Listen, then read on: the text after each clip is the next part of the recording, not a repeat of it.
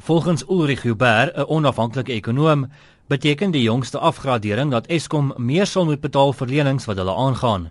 Voortgesette konstruksiewerk aan die Medupi en Kusile kragstasies beteken dat Eskom heel moontlik nog geld gaan moet leen.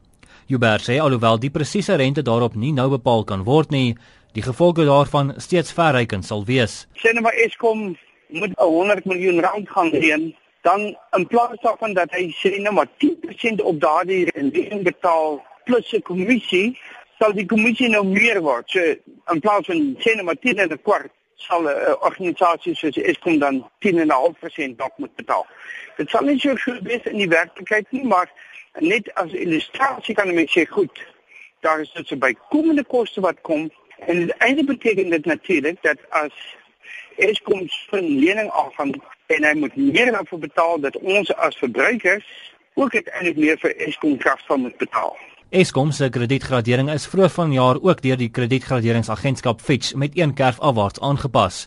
Uber sê verdere negatiewe aanpassings vanjaar kan buitelandse beleggers afskrik. Maar die lande betref het ons ons om by twee vlakke waarop ons kan afgeskadeer word voordat ons dan 'n status bereik waar ons sê maar dit word werklik 'n groot risiko om in Suid-Afrika te belê en dan word daai wat ek net nou genoem het die kommissie, die ekstra wat jy moet betaal bo die normale rentekoers, dan kan dit wees dat jy altyd moet betaal. So die koste om die lenings aan te gaan word al groter. En in die staatsgeval sê ons ja, daar is nog so twee vlakke waarop ons kan gaan waar die ouens dan vir die wêreld eintlik sê wees versigtig vir Suid-Afrika, wees versigtig vir die organisasies binne in Suid-Afrika wat hierdie lenings aangaan. Die boodskap aan Suid-Afrika is volgens Joubert baie duidelik kry julle huis in orde en sorg dat jy binne jou vermoëns leef.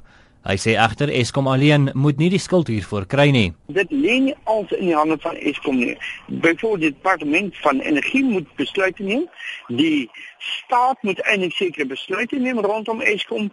Dan moet van Mercer se kant af moet sekere besluite geneem word rondom die tariefverhogings wat Eskom toegelaat word. Maar Eskom self kyk na sy totale kostebeheer binne in sy organisasie.